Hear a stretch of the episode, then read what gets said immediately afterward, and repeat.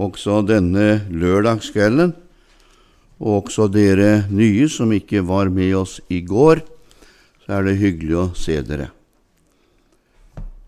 Jeg eh, syns det var veldig gildt, Per Olav, at du Jeg regna med at jeg så deg mens jeg var her oppe. Jeg regna med det ettersom jeg vet at du er flytta hit. Og eh, menigheten hjemme i Notodden, eh, flere av dem spurte du treffer du Per Olav. sa de. Ja, jeg regner med det. Ja, nå må du hilse. Det er både deg og til kona di. Så du må ta med hilsen. Og eh, vi venter bare på at du klarer å frigjøre så mye at du kan besøke oss. For eh, innbydelsen står klar. Så det har vært veldig gildt. Vi eh, hadde da i går Så er det tabernaklet som vi holder på. Og skal vi se om vi klarer å få opp et bilde nå. Og vi håper at den her ikke Der tror jeg vi klarte det. Eh, vi eh, jeg bruker alltid å begynne med et eh, oversiktsbilde over Bibelen. Det gjorde jeg også i går kveld, og det skal jeg bare ta også i kveld. Et lite oversiktsbilde over Bibelen. Jeg synes det bildet er så bra fordi at den eh, bretter ut hele Bibelen for oss. Og den bretter ikke ut bare Bibelen for oss på den måten, men det bretter ut Guds ord på en slik måte at vi får en full oversikt over egentlig hva Gud har talt til oss igjennom Ordet. Og Vi ser at eh, nesten alt, og det kommer vi tilbake til i tabernakelet også, nesten alt i tabernakelet er delt inn i tre. Og den guddommelige verden er jo delt inn i tre. Og til og med her er det også delt inn i tre avdelinger. Du har det som er på unnsiden av den tjukke streken. Så har du det som er selve det vi holder på med. Og så har du himmelen over på andre siden. Det som ligger overfor oss.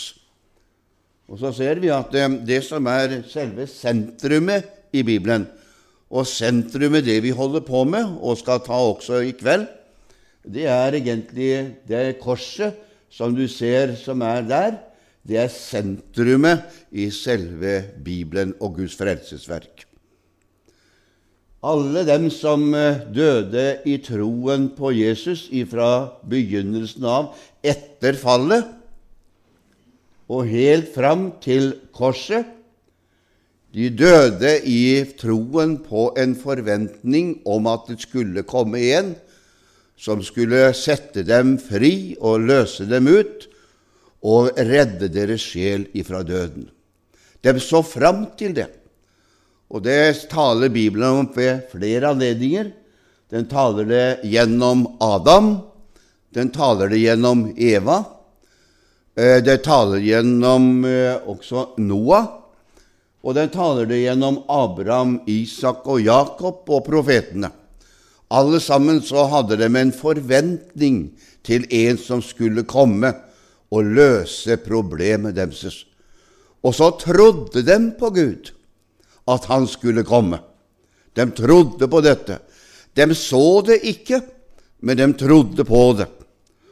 Og eh, du og jeg som lever i dag, vi lever da etter korset, ikke før korset, men vi lever da etter korset.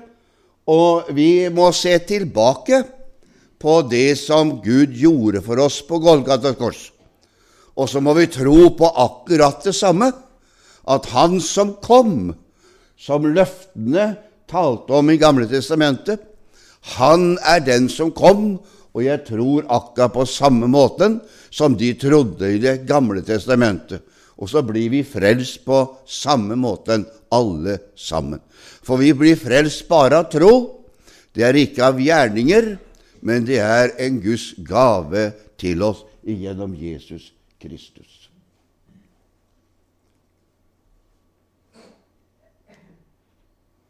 Skal vi se om vi får det her til å virke, da. Der kom den. Så er vi inne på det vi holder på med, det er tabernaklet. Er det noen som kjenner igjen bildet? Ja. Noen som kjenner igjen bildet. Det bildet der det er tatt ute i ørkenen, eh, ikke så langt ifra Eilat, i et sted som heter Timna Park.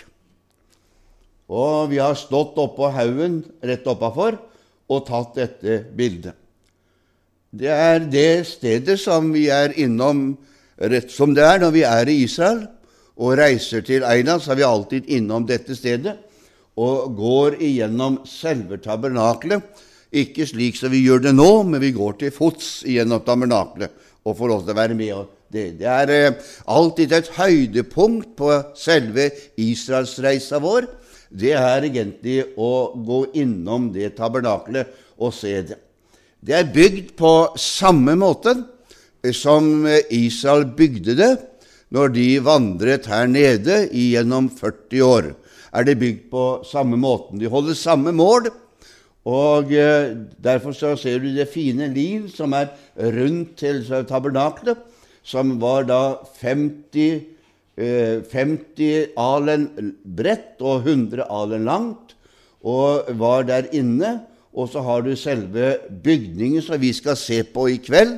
Og så, og, og så har du da kobberalteret, og så har du Eh, den derre Det står av og til i stille. Men kobberkaret, og så har du selve bygningen.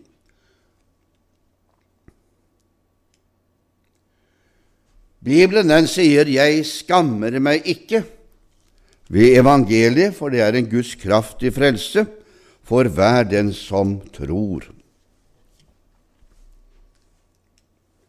Slik leiret Israel stammer seg rundt tabernaklet når de var på vandring. De fikk ikke lov til å leire seg slik som de ville. Men Gud hadde en forordning på dette. Det forteller meg min eneste gang at Gud er en ordens Gud. Det, er ikke, det, han, han har ingenting som skjer på måfå. Alt det Gud gjør, er en orden. Og sånn skal det være i Guds menighet òg. Det skal være en orden også i Guds menighet. Og Her ser du at eh, her leiret altså Israels barn seg rundt. Og så ser du at tabernaklet det ligger i midten.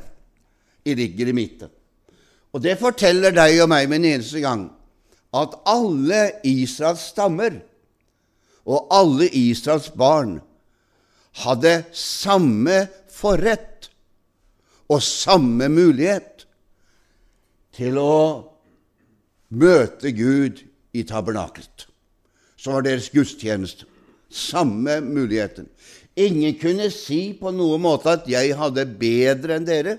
Nei, de leiret seg rundt der på denne måten her. Og det var altså hvordan de leiret seg rundt tabernaklet. Så er det selve tabernaklet. I går, når vi begynte slutta, så slutta vi med portene inn til tabernaklet. Og vi sa at alle portene hadde samme farge, og alle portene det var like.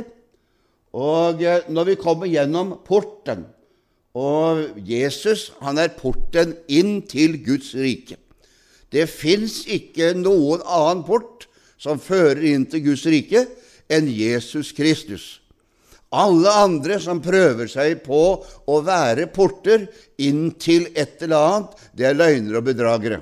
Det er bare én som Gud har satt til frelse for oss som mennesker, og det er Jesus og han alene. Når vi kommer inn gjennom porten, så er det det første vi møter på, det er dette brennofferalteret som vi finner på innsiden av porten. Et brennofferalter. Det ser omtrent sånn ut, brennofferalteret.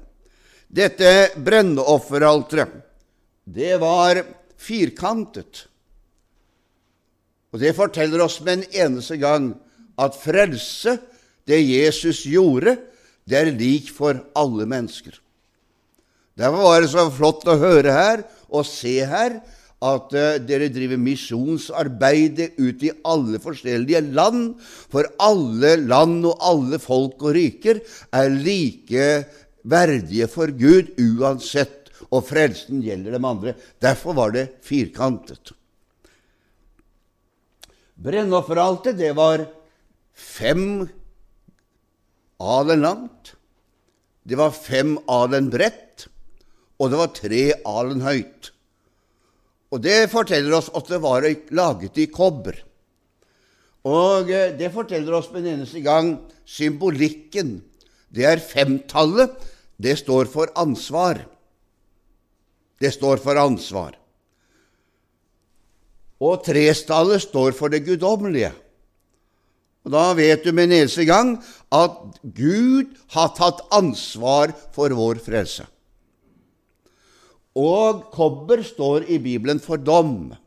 Og det sa vi litt i går. Vi så at stolpene her ute de sto på kobberføtter. Det var dom.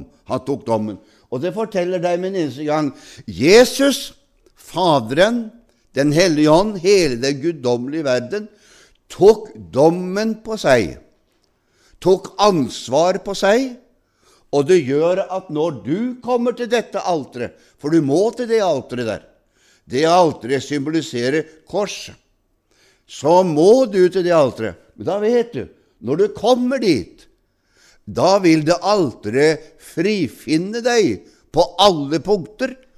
Og når du sier ja til Jesus, så går, har dommen allerede gått over Jesu liv, og du blir fru, frifunnet av nåde igjennom Jesu Kristi dyrebare blods forløsning. Det jeg skal prøve, det finnes fem offer som blir lagt på dette alter. Og det forteller deg og meg også igjen ansvar. Det er at Jesus har tatt ansvaret for oss på alle mulige tenkelige måter.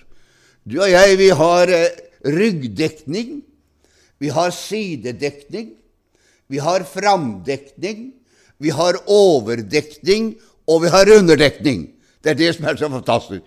Frelse er fullkomment. Og det gjør at han kan fullkommen frelse den som kommer til han på denne måten. Det første offeret vi finner der, det er brennofferet. Og brennoffer var et lydighetsoffer. Og det brennofferet det bestod av to værer. To værer. Det første væren som skulle gå på brennofferet, den, eh, den, eh, skulle slaktes, den skulle renses, og den skulle granskes. Den skulle granskes både når det gjaldt hodet, den skulle granskes på innvoller, den skulle granskes på føtter, den skulle granskes på fettet, den skulle granskes på alle mulige måter. Og det er et mektig bilde på Jesus. Jesus han ble gransket hele sitt liv mens han vandret på jorden. Han ble ransaket av djevelen på alle punkter. Med hans hode, hans tanker, hans vilje, det var i Guds hender hele tiden, og han gjorde alltid det som Guds vilje var. Hans innvoller er et bilde på viljen hanses og hanses følelser. Og uansett hva som skjedde igjennom Jesu jordiske liv, så rettet han seg aldri etter sitt eget vilje og bilde.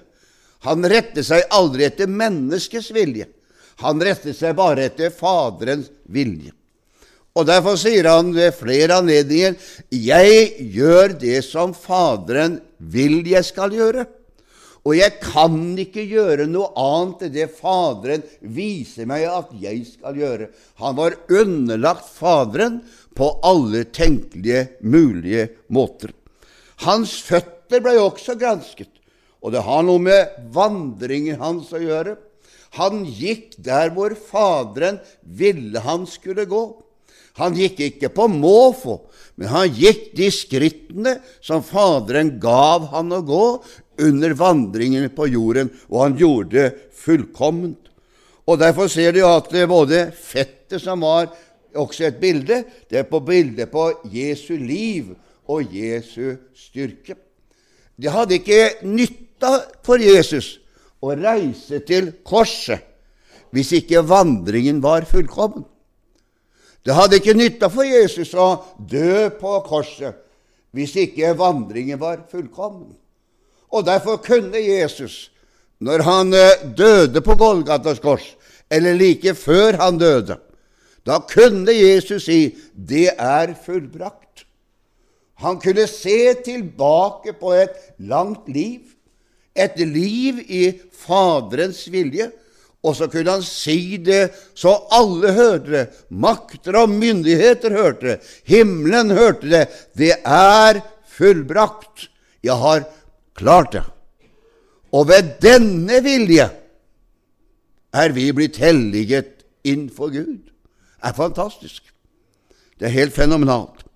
Så har vi et annet offer der. Det er matofferet, som skulle også legges på dette alteret der.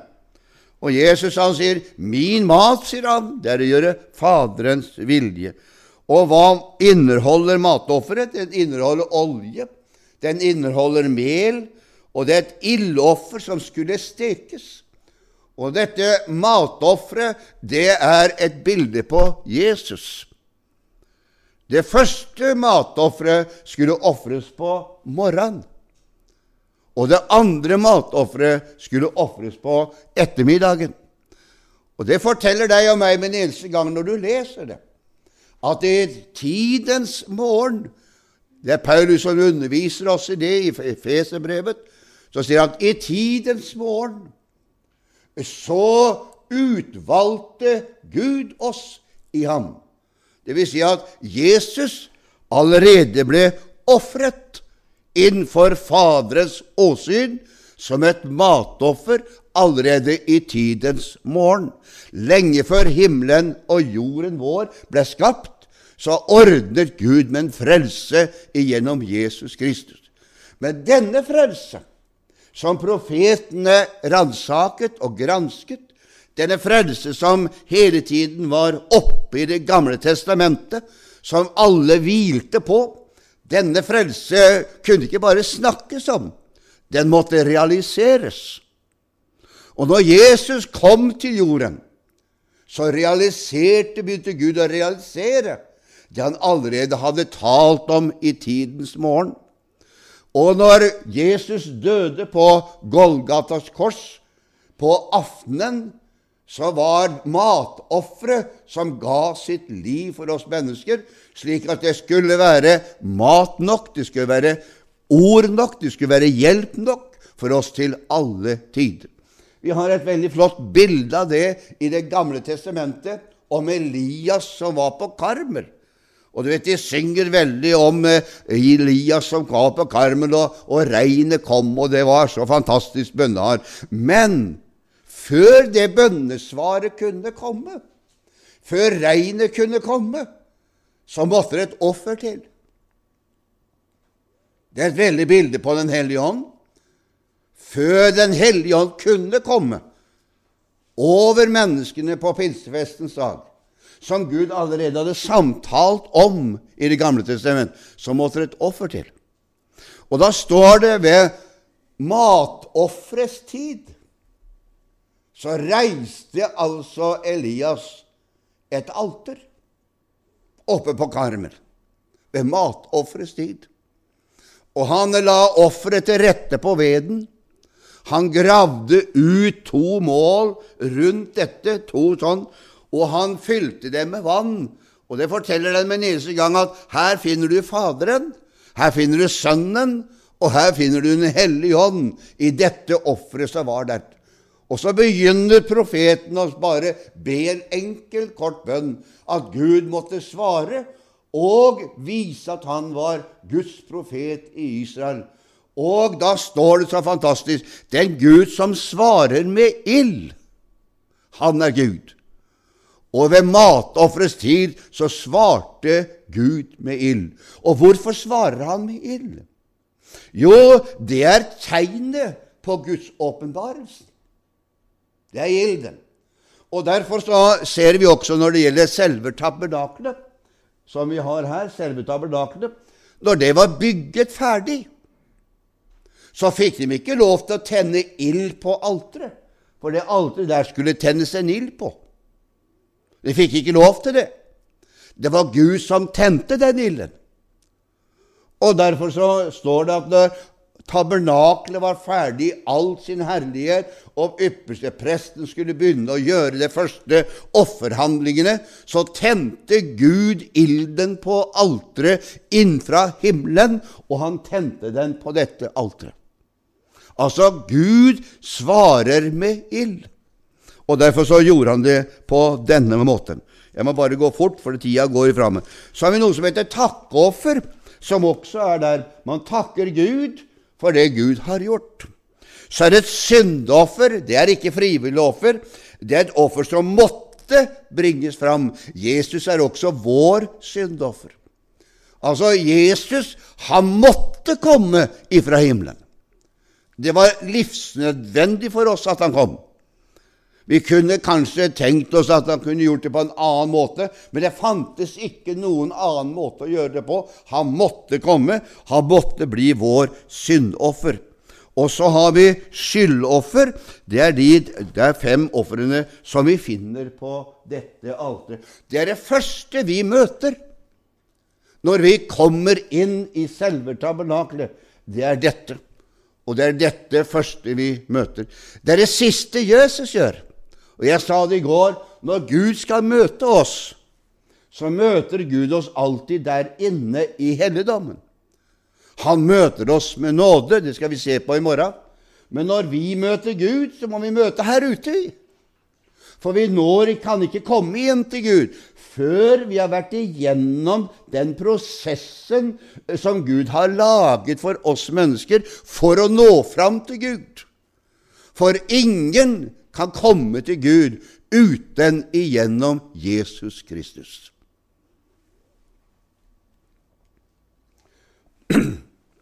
Når det gjelder selve tabernaklets bygning, så ble den laget av noe vi kaller for akasitre. Og akasitre det fantes ute i ørkenen. Og akasitre var en av de tingene som Israels barn kunne få lov til å komme med som gave til byggingen av tabernaklet.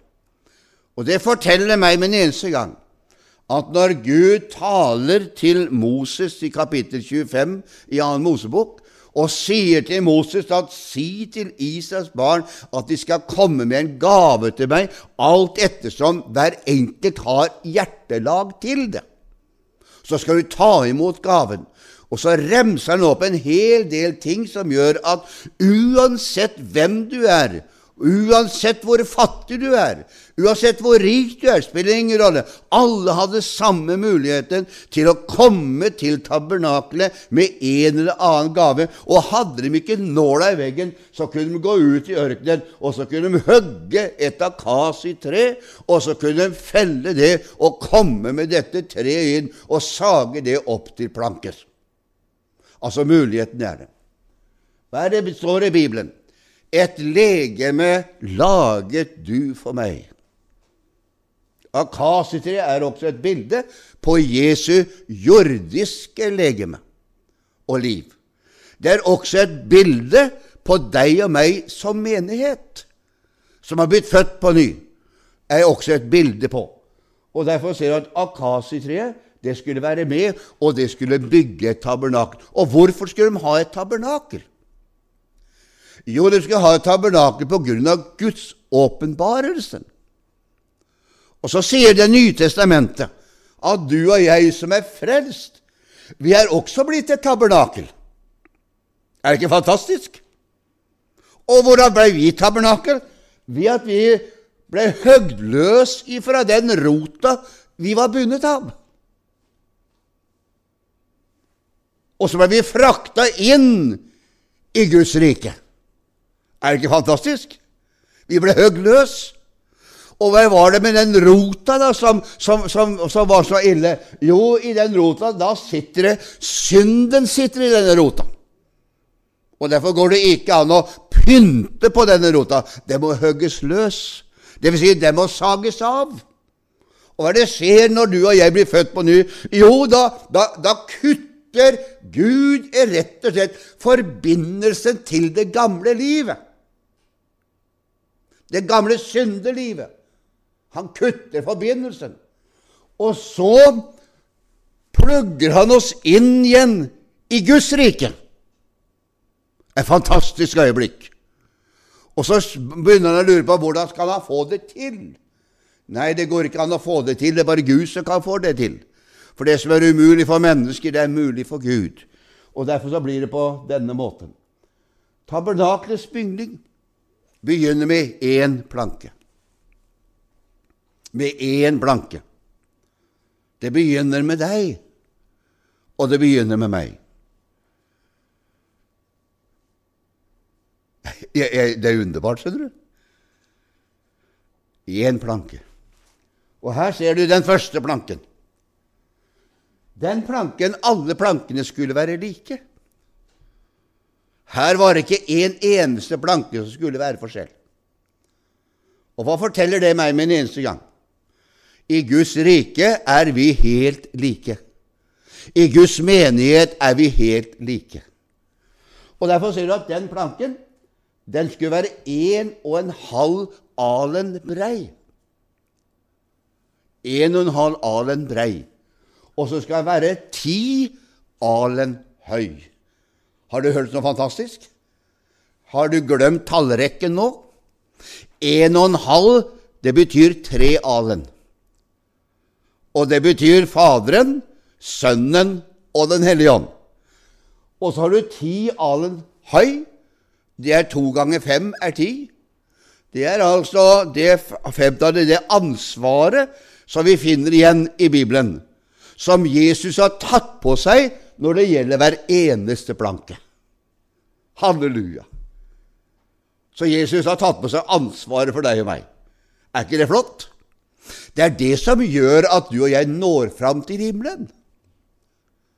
For vi skulle hatt det ansvaret selv, har vi aldri nådd fram. Men fordi at han tok det ansvaret, og så muliggjorde han det ansvaret. Og det er det vi skal fortsette å se på nå. Og der ser du den ene planken, og så ser du det er en tverrstang der som stikker igjennom den ene planken, som har bora tvers igjennom planken på innsiden, på midten imellom. Og så har du to ringer, en oppe og nede i hver eneste planke. Og nå skal vi se på hvorfor det skjer sånn. Der kommer neste planke. Neste planke, Det er endeplanken, og der har Gud satt inn to planker. Det er endestykkene for at det skal stå støtt. Det er fantastisk. Og så legger du merke til at hver eneste planke, alle planker, har to sånne tapper under, planke, under planken sin. To tapper. Og de blir satt ned på to sølvføtter. Hver eneste planke. Den står ikke aleine i sanda. Det er for dårlig. Den er nødt til å stå på sølvunderlag, dvs. Si sølvføtter. Og det er ikke bare én sølvføtt, det er to sølvføtter som skal gå ned i de to tappene. Og hva forteller det meg? Det forteller meg at jeg er bundet sammen med Det gamle og Nye testamentet. Jeg er bundet sammen med det. Du skjønner, Den som vil kaste vekk Det gamle testamentet, den har bare én tapp. Og da står han ikke støtt. Så er det noen igjen som vil bare ha Det gamle testamentet. Det er også for dårlig. Vi må ha begge to. For i Gamle testamentet der finner vi åpen, der finner vi åpenbaringen og løftene. I Nytestamentet finner vi fullendelsen. Og Derfor må vi ha begge to for å få det til. Og Derfor står vi på sølv. Og du vet at sølvet, sa jeg i går, det har med forsoningen å gjøre. Vi står sikkert. Vi står på forsoningens grunnlag. Halleluja. Det er herlig å vite det. Og så ser vi at vi gjør det. Og så ser vi at der var det bora et høl, og der skulle denne, plank, denne eh, tappen som står, der, denne, som står der, den skal inn i dette hølet her og, og hele veien. Og så skal vi se hvordan det ser ut når det var ferdig. Her ser menigheten ut. Sånn ser menigheten ut. Ser den vakker ut? Ja, det er menigheten, det. Det er jo meg der. Sånn ser han ut. Jeg skal si vi er bundet av hverandre. I Guds rike er det ikke solospill. I Guds rike er det ikke enkeltmannsforetak. Vi er bundet av hverandre. Og Derfor så sier Bibelen i Nytestamentet når dere kommer sammen, hvordan er det da? Noen har. Og så sier han et annet sted i Nytestamentet at 'jeg ga til menigheten noen til', og så gav han oss fem embeder. Ansvar med en eneste gang. ikke sant? Og i menigheten, altså I menigheten, der er det et ansvarsforliggende. Og nå skal du se hvordan han bygger det her opp. Og så ser du at alle plankene står på sølvføtter, alle sammen. Det eneste porten inn til helligdommen som står på kobber. Og det sa jeg litt om i går, for det måtte den gjøre. Fordi at porten inn til helligdommen, der ligger Guds åpenbarelsen. Og for å få den rette gudsåpenbarelsen så har Gud tatt ansvaret for dette også. Så han har tatt ansvar for alt det som vi skal oppleve på innsiden av denne porten. Det har Gud tatt på seg. Men vi som står i Guds menighet, vi står på sølvføtter, alle sammen. Og så har Gud gjort noe fantastisk. Han har Du, du husker den der eh, pinnen der? Den ser du ikke på den veggen der i midten. Den er borte. Men han er der. Men du ser han ikke. Men den går tvers gjennom alle plankene. Tvers gjennom alle plankene. Og hva forteller de oss? Jo, vi er bundet sammen ved Den hellige ånd. Den er et bilde på Den hellige ånd. Den ser vi ikke men han er der. Vi bare kjenner han. Vi bare kjenner han. Vi er bundet sammen. Vi har samfunn med Gud igjennom ved Den hellige ånd. Vi har samfunn med Gud. Altså Den hellige ånd, det er den som binder oss sammen på midten, alle sammen. Og den synes ikke, men den er der. Og så har Gud gjort noe mer, for det er, det er litt for dårlig, ser det ut for Gud. For vi trenger litt mer hjelp enn bare Den hellige ånd. Og da har han gitt oss denne boka. Og så ser vi at det, det finnes fire sånne til som, som, som, skal, som skal lages. Og dem skal igjennom gullkroker. Det vil si, der skal det øre. Alle dem skal være av gull. Og hva forteller de oss? Gullet står for det guddommelige. Det forteller oss at all den redskap som Gud har gitt oss for at det skal lykkes, det er guddommelig. Det er renset i gull, så er det guddommelig. Og da legger jeg merke til i apostlenes gjerninger så finner vi dem. De holdt trolig fast ved Husker du hjemmeleksa? Det man tror fast ved apostlenes lære, ja. Og hvorfor står læren først? Jo, det er læren som er grunnlaget for hele gudsåpenbarelsen. Det hjelper lite å si at de har gudsåpenbarelse hvis de ikke har rette læren. Og den rette læren den har Gud gitt oss i Guds ord. Derfor står læren først. Og Derfor sier jeg at de var bundet fast til apostlenes lære. Det er den ene tverrbjelken. Og den andre tverrbjelken som vi finner, hva var det for noe? Hva skaper læren? Ja, ja, du kan jo si det høyt, da, vet du. Det skaper samfunn. Det skaper samfunn. Læren skaper et samfunn. Og det finner du også i Nytestamentet. Vi har samfunn med hverandre, og Guds sønns blod renser oss ifra all synd. Halleluja. Det er fenomenalt. Altså, det er, er, samfunn, det er neste som er, vi er bundet fast sammen med. Så det tredje vi finner som er her, den tredje vi finner som er her, det er Brødsbrytelsen, ja. Og hvor, hvor brødsbrytelse, det betyr med gang vi bryter brød, vi spiser sammen. Vi sitter ved bordet sammen. Og hvem er det som har brød i Det gamle, nye testamentet og Det gamle testamentet? Det er Jesus. Og Derfor sier Jesus noe av det siste han gjør før han reiser herifra denne verden. Så bryter han brødet, brødsbrytelsen. 'Dette er mitt legeme, og ta dette og del dette med hverandre.' Dette er ordet! Ta ordet og del det med hverandre. Han deler ut ordet, for han er ordet, han er brødet ifra Gud. Og Derfor er, er brødspruten viktig. Og jeg sier det noen ganger vi skulle aldri, du vet, det, Mange mennesker går ikke til brødsbrytelse. Så sier jeg du må gå til brødsbrytelse, sier jeg. For det er ikke noe sånn prøvemåltid. Det er samfunnsmåltid som vi har med hverandre og med Gud. Det er det det er.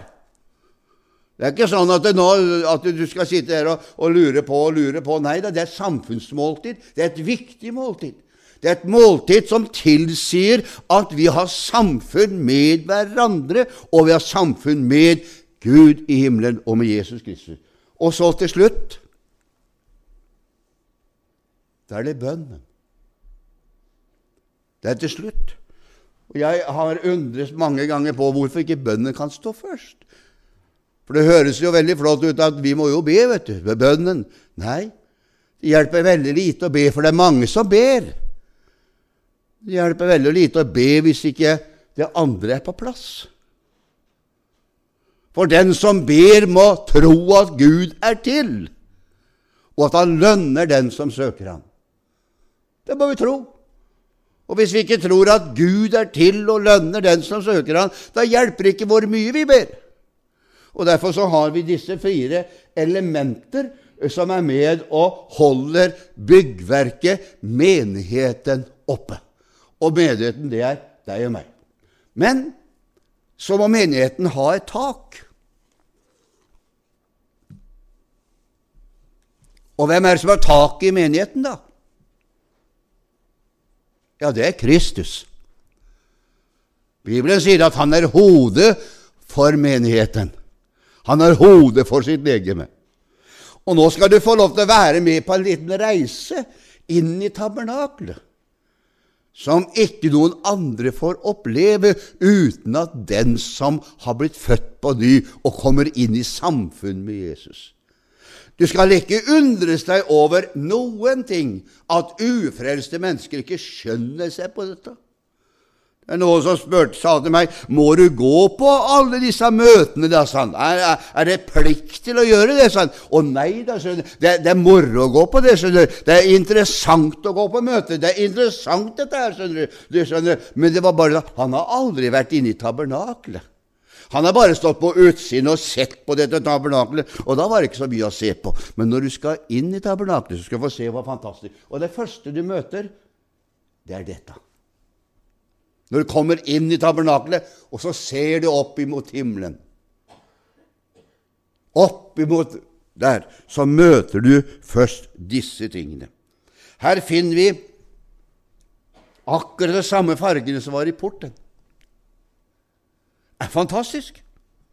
Akkurat de samme farger. Det er én ting vi ikke finner her oppi det taket. Det er egentlig kjerubrene de er borte. De er ikke det. For når du ser oppi Guds himmel, inni tabernak, så ser du bare Guds grenseløse nåde og godhet imot deg hele tiden.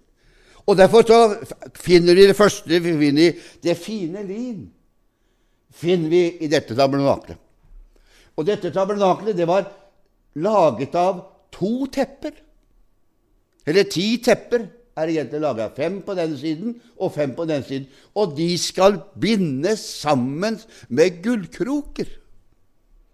Her har vi femtallet med en eneste gang på begge sider. Altså Det tilsvarer Det gamle og Det nye testamentet. Og uansett om du snur det til Det gamle og nye testamentet, så er det nåde over nåde alt sammen at vi får lov til å være sammen med Gud også på denne tjenesten.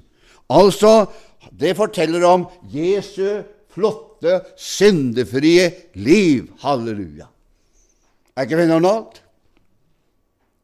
Det er noen som tror det at Jesus hadde synd i kjødet, vet du men at han klarte å opparbeide seg Guds gunst når han hadde levd en del år ved at han hadde klart å gått noen trappetrinn og kommet opp og, og, og, klart dette. Men det var ikke sånn. Han var Guds sønn, syndefri ifra fødselen av. Halleluja. Er ikke fantastisk? Den blåfargen vi finner inni her, som vi akkurat finner også i porten, den blåfargen er hans guddommelige opprinnelse. Det minner oss hele tiden om. Først så minner fargen oss om når vi ser opp om Jesus syndefri natur. Så minner det oss om han, hvor han kom ifra. Og vi leser i Fader vår, du som er i himmelen. Altså, vi må, vi må vite hvor han kom ifra. Han kom ikke fra Josef der nede. Han kom ikke fra noe menneske. Han kom ifra himmelen. Det er det som er så fantastisk. Den purpurrøde fargen, som vi også finner, det er hans kongelige natur, eller karakter. Han var kongen av himmelen, kongen av jorden. Han var kongenes konge. Og en dag skal han operere som kongenes konge. Og da har jeg lyst til å være på den rette siden. Har ikke du òg? For du skjønner, det kommer en dag, og den dagen kan være nærmere enn du tror. Det kommer en dag da Jesus skal skifte bord. I dag sitter han ved nådens bord. Men en dag skal han sitte ved kongssepteret. Da skifter han bord. Da skal han gå ut og skal han dømme. Og han dømmer med rettferdighet. Og det kan du lese i åpenbaringsboken.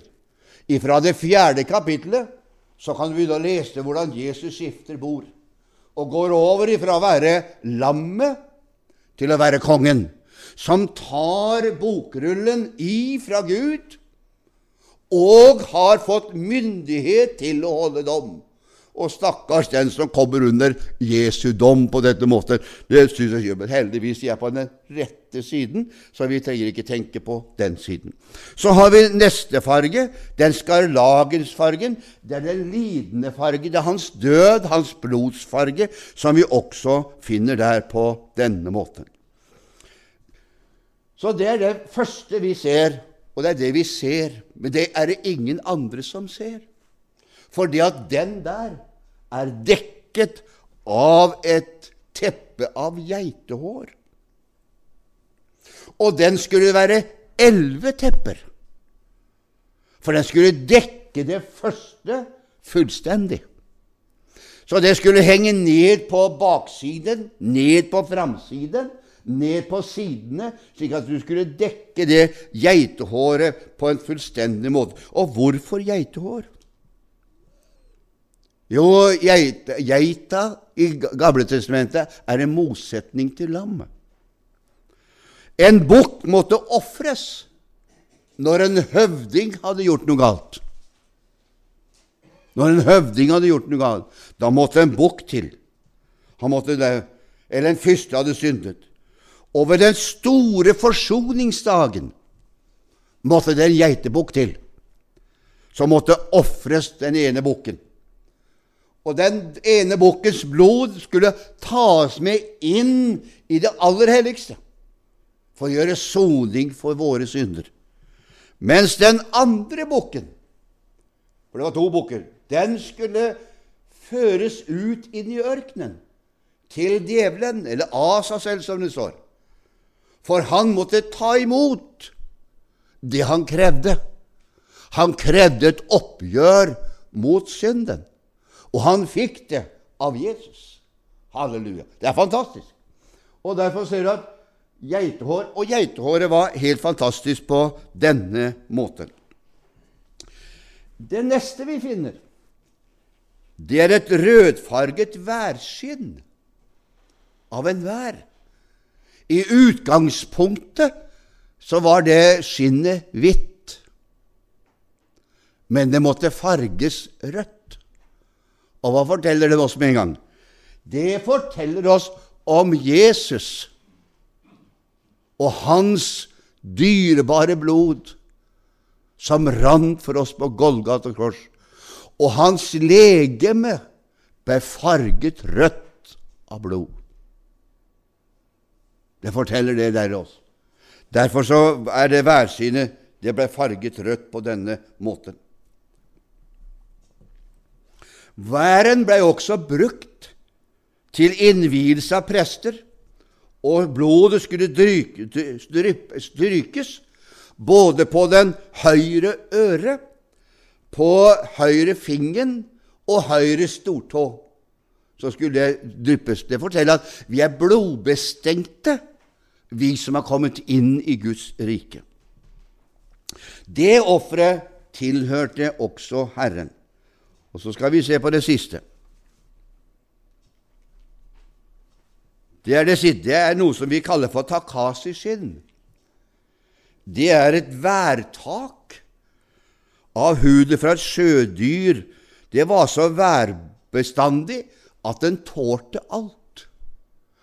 Og det er det egentlig de som står på utsiden, ser. Og Derfor ser de egentlig ikke noe sånn spesielt. Kan det være noe spesielt i det der? der det kan da ikke være noe pent, det vi holder på med der. Og, og så tar de avstand fordi at de ser dette Takashi-skinnet som er på utsiden og ikke på innsiden. Det er taket vårt. Hvor mange, hvor mange skinn ble det nå? Hvor mange dekker ble det når det ble fire?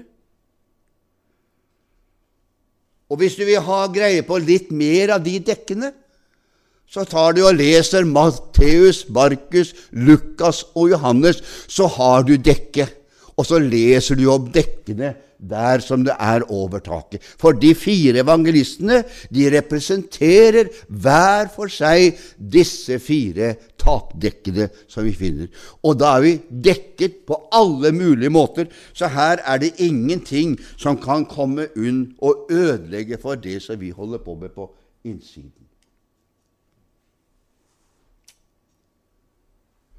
Så skal vi se på Vi skal inn i helligdommen.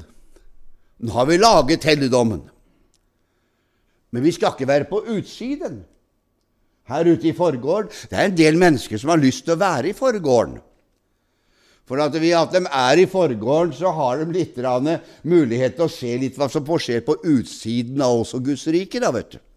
for det er litt interessant av det som er på utsiden også, og så vil de helst være ute i forgården. Men der skal vi ikke være.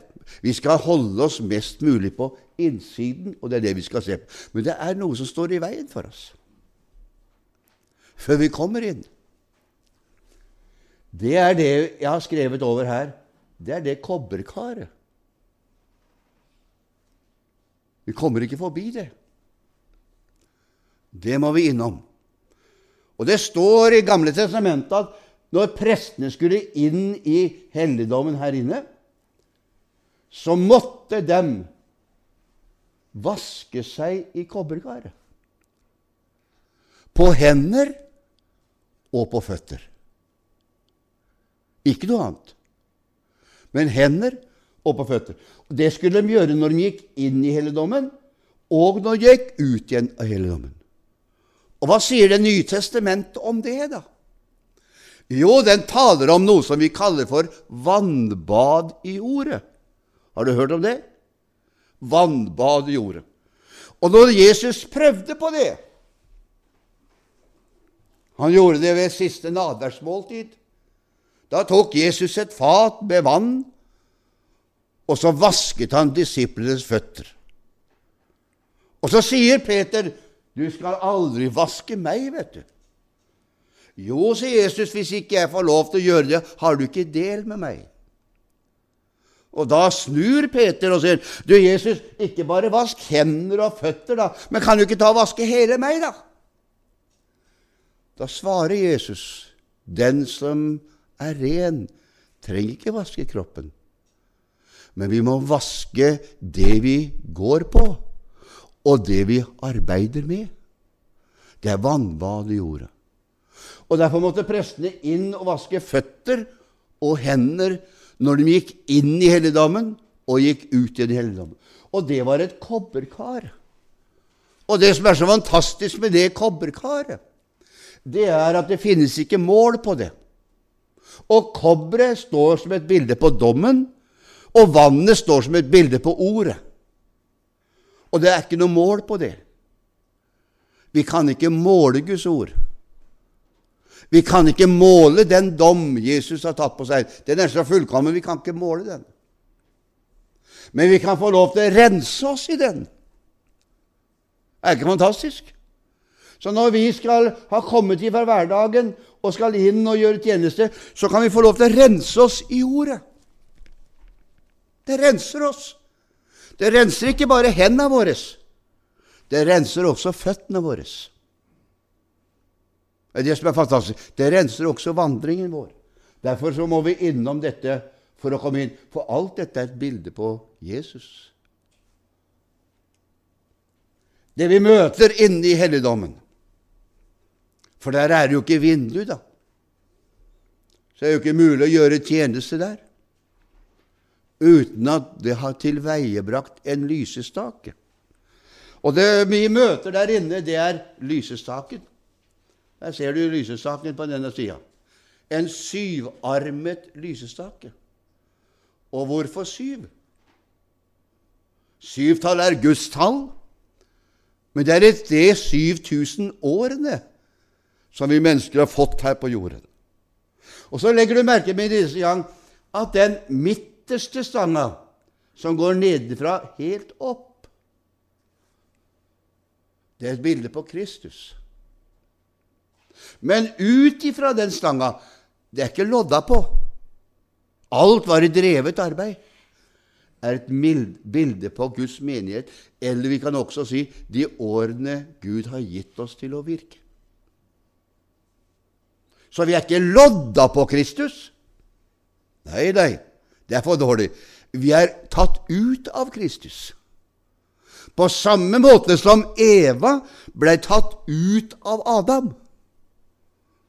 For Eva ble ikke lodda til Adam, og Eva ble ikke skapt ved sida av Adam. Hun ble tatt ut av Adam. Så hun var en del av Adam. Og derfor kunne han si at 'det er bein av mine bein'. Så den kvinnen som står der, det er min. Det er mitt. Derfor skal hun kalle seg manninne, for av mannen er hun tatt. Altså, hun er tatt ut av Adam. På samme måten er vi tatt ut av Kristus. På akkurat samme måten. Vi er en del av Kristus. Derfor kan Jesus si 'Hun er min, og jeg er hans'. Fantastisk. Og så ser vi lysstaken. Det er det første vi møter når vi kommer inn på venstre side. Det er denne lysa. Og oppå denne lysstaken så er det syv lamper. Og på de lampene så er det syv kar til olje. Og her må det være olje. Og så sier, så sier du presten han gjør prestetjeneste. Og så sier Gud til Israels folk dere skal gi prestene olje nok ifra knust oliven, så det ikke fattes olje på lampen, så den ikke må slukne. Og hva forteller det oss? Jo, denne, denne her Vi er en del av Kristus, så vi er også en sånn lampe som lyser for Jesus. Men hvis vi mangler olje, så slokner vi jo. Vi kan holde det gående ei lita stund, men en dag så slokner vi. Derfor må vi ha stadig olje. Og oljen det er bildet på ånden. Den livgivende, som gir oss den oljen som vi trenger. Og Derfor sier de ti jomfruer etter de fem, gi oss av deres olje, lampene slukner. Går ikke sånn, det må hente sjøl. Og sånn er det. Prestene skulle gjøre sånn dette med olje. Det er det første vi møter. For vi må ha lys der inne, skal vi se. Og hva er det første Gud gjør når vi får denne boka her? Han gir oss lys. Og hvordan får vi lys over Skriftene? Jo, Den hellige ånd kaster lys over Skriftene. Vi får det Paulus skriver i Feserbrevet opplyste hjertes øyne, så vi kan se og forstå hva Gud har gjort for oss, og hva Gud har beredt for den som elsker ham. Det er det første vi gjør. Og Derfor ser Gud merke til at i skapelsens begynnelse så ser vi at Gud, det første Gud gjør, det er å skape lys. Og så skiller han mørket fra lyset. Og Det er det han gjør når vi blir frelst også. Han skaper lys. Og Derfor så har jeg hørt disse her guttene og jentene si mange ganger, og voksne folk og Tenk om jeg hadde sett dette før med frelse, så jeg skulle kommet lenge før. Tenk at jeg har ødelagt så mange år. Men de har vært blinde, så de ser ikke. Så derfor må vi ha lys. Og hvorfor skal vi se? Jo, vi ser på andre siden, på den høyre siden. Der var det et bord som kalles for skuebrødsbordet, eller ansiktets brød. Et bord som Guds ansikt stadig ser på og hviler på hele tiden. Og hva er det som er på det bordet, da? Jo, det var to stabler med seks brød. Det ble tolv brød, det. To stabler med seks brød. Og så hvorfor to? Ja, vi har fått 2000 år hvor evangeliet skal gå ut. Totallet hører med til evangeliets utbredelse i siste tid. Det er de 2000 år. Sekstallet det er de 6000 årene som vi har, men det har også med Israels tolv stammer å gjøre. Og det forteller oss med en eneste gang uansett hvilken stamme de tilhørte, så var det ei brødskive til hver eneste en til hver stamme. Han er rik nok. Han har mat nok til hver den som påkaller han. Og Derfor beviste Jesus dette ved to ganger i Nytestamentet. Gjennom brødundres første gang, hvor han møtte 5000 mennesker. Og brødunderet andre gang, hvor han møtte 4000 mennesker.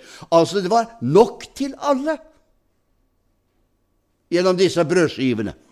Altså det er første. Og brødet står et bilde på Guds ord. Brød Og Derfor sier Jesus, 'Jeg er brødet som kom ned ifra himmelen for å gi dere liv'. Derfor så er det dette her. finner jeg. Og det brødet det skulle stå på et alter, gullalter. Kles med gull. Og så ser du at eh, her er det stenger som var på siden av alteret, som var inni, inni gullkroker, og det skulle bæres. Der ser du at det er, det er, flere sånne. Det er tre, det er fire sånne alter, eller fire sånne teg i Bibelen, som må bæres. Og det første vi ser som skulle bæres, det var kobberalter der ute. Frelsen må bæres. Ta mitt kors og bær det, sa Jesus. Ta korset opp og bær det. Vi må bære frelsen. Vi kan ikke kjøre frelse på noe kjelke. Vi må bære den. Vi må bære den forsmedelsen. Vi må bære Kristi vanære. Vi må bære frelsen. Og den neste vi finner, det er denne her. Vi må bære også Guds ord. Vi må være ordets bærere. Vi skal ikke bære oss selv, men det er ordet vi skal bære. Derfor så den som preker, må preke som Guds ord. Og Derfor står det i Nytestamentet, det står om de første kristne, det står i Berøa-menigheten, da står det om den menigheten at de gikk hjem igjen står de etter man hadde hørt Paulus og disse her, og så så de i bøkene i, Gamle testamentet, bøkene de hadde, så så de inn i dette om det forholdt seg slik som de sa. Og det må du og jeg òg. Vi må ikke svelge alt som kommer ifra i den religiøse verden. Vi må ikke svelge alt. Vi må se om det stemmer overens med Guds ord. Og Derfor må vi bli ordets hører og gjører og lesere, så vi kan høre om det er riktig det som blir sagt, eller riktig det som holder på med. For det er eneste ordet vi har å rette oss til. Derfor så er det brød nok til oss alle sammen. Vi skal være bærere av det. Og da er vi tilbake igjen til utgangspunktet. Og da har jeg sagt som overskrift Jeg skammer meg ikke ved evangeliet, for det er en Guds kraft frelse for hver den som tror. Er ikke fantastisk? Det er den helligdom. Nå har vi beveget oss inn i helligdommen. I morgen skal vi inn i det aller helligste. Det er siste stasjonen før det fullkomne. Det er siste stasjonen før det fullkomne.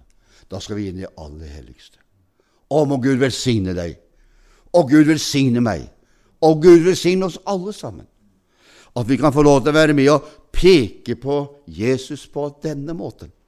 Han er det fullkomne, som har gitt oss en fullkommen frelse. Og jeg må si, som jeg sa til en, en, en, en dame som ringte til meg her en dag hun, hun, ringte meg, hun var så urolig, for det var noen som hadde uroa henne.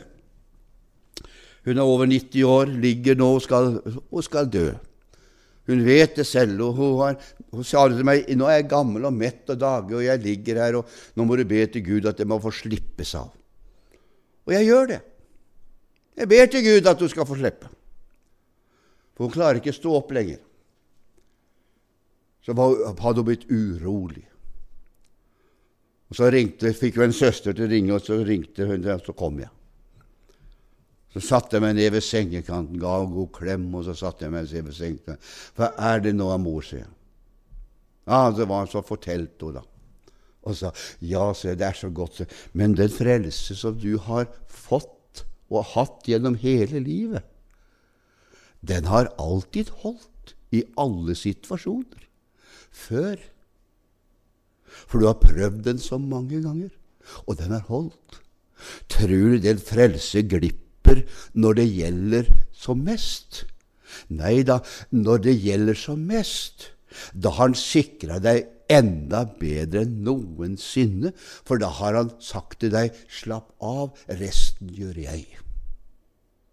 Så når han kommer og tiden er moden, sender ingen Gabriel. Han sender ingen Mikael. Han sender ingen engel. Han kommer sjøl for å hente deg. For det er Han som kjenner deg, for Han har kalt deg med navn, og du er Hans. Så la oss tilbake og sa Å, så godt, så. Nå kan jeg hvile, så. Så herlig, så. Bare høre det, så. Er det ikke herlig? Slik er det med deg og meg òg. Vi kan hvile. Og så skal vi inn i det i morgen ettermiddag. Da skal vi se på neste.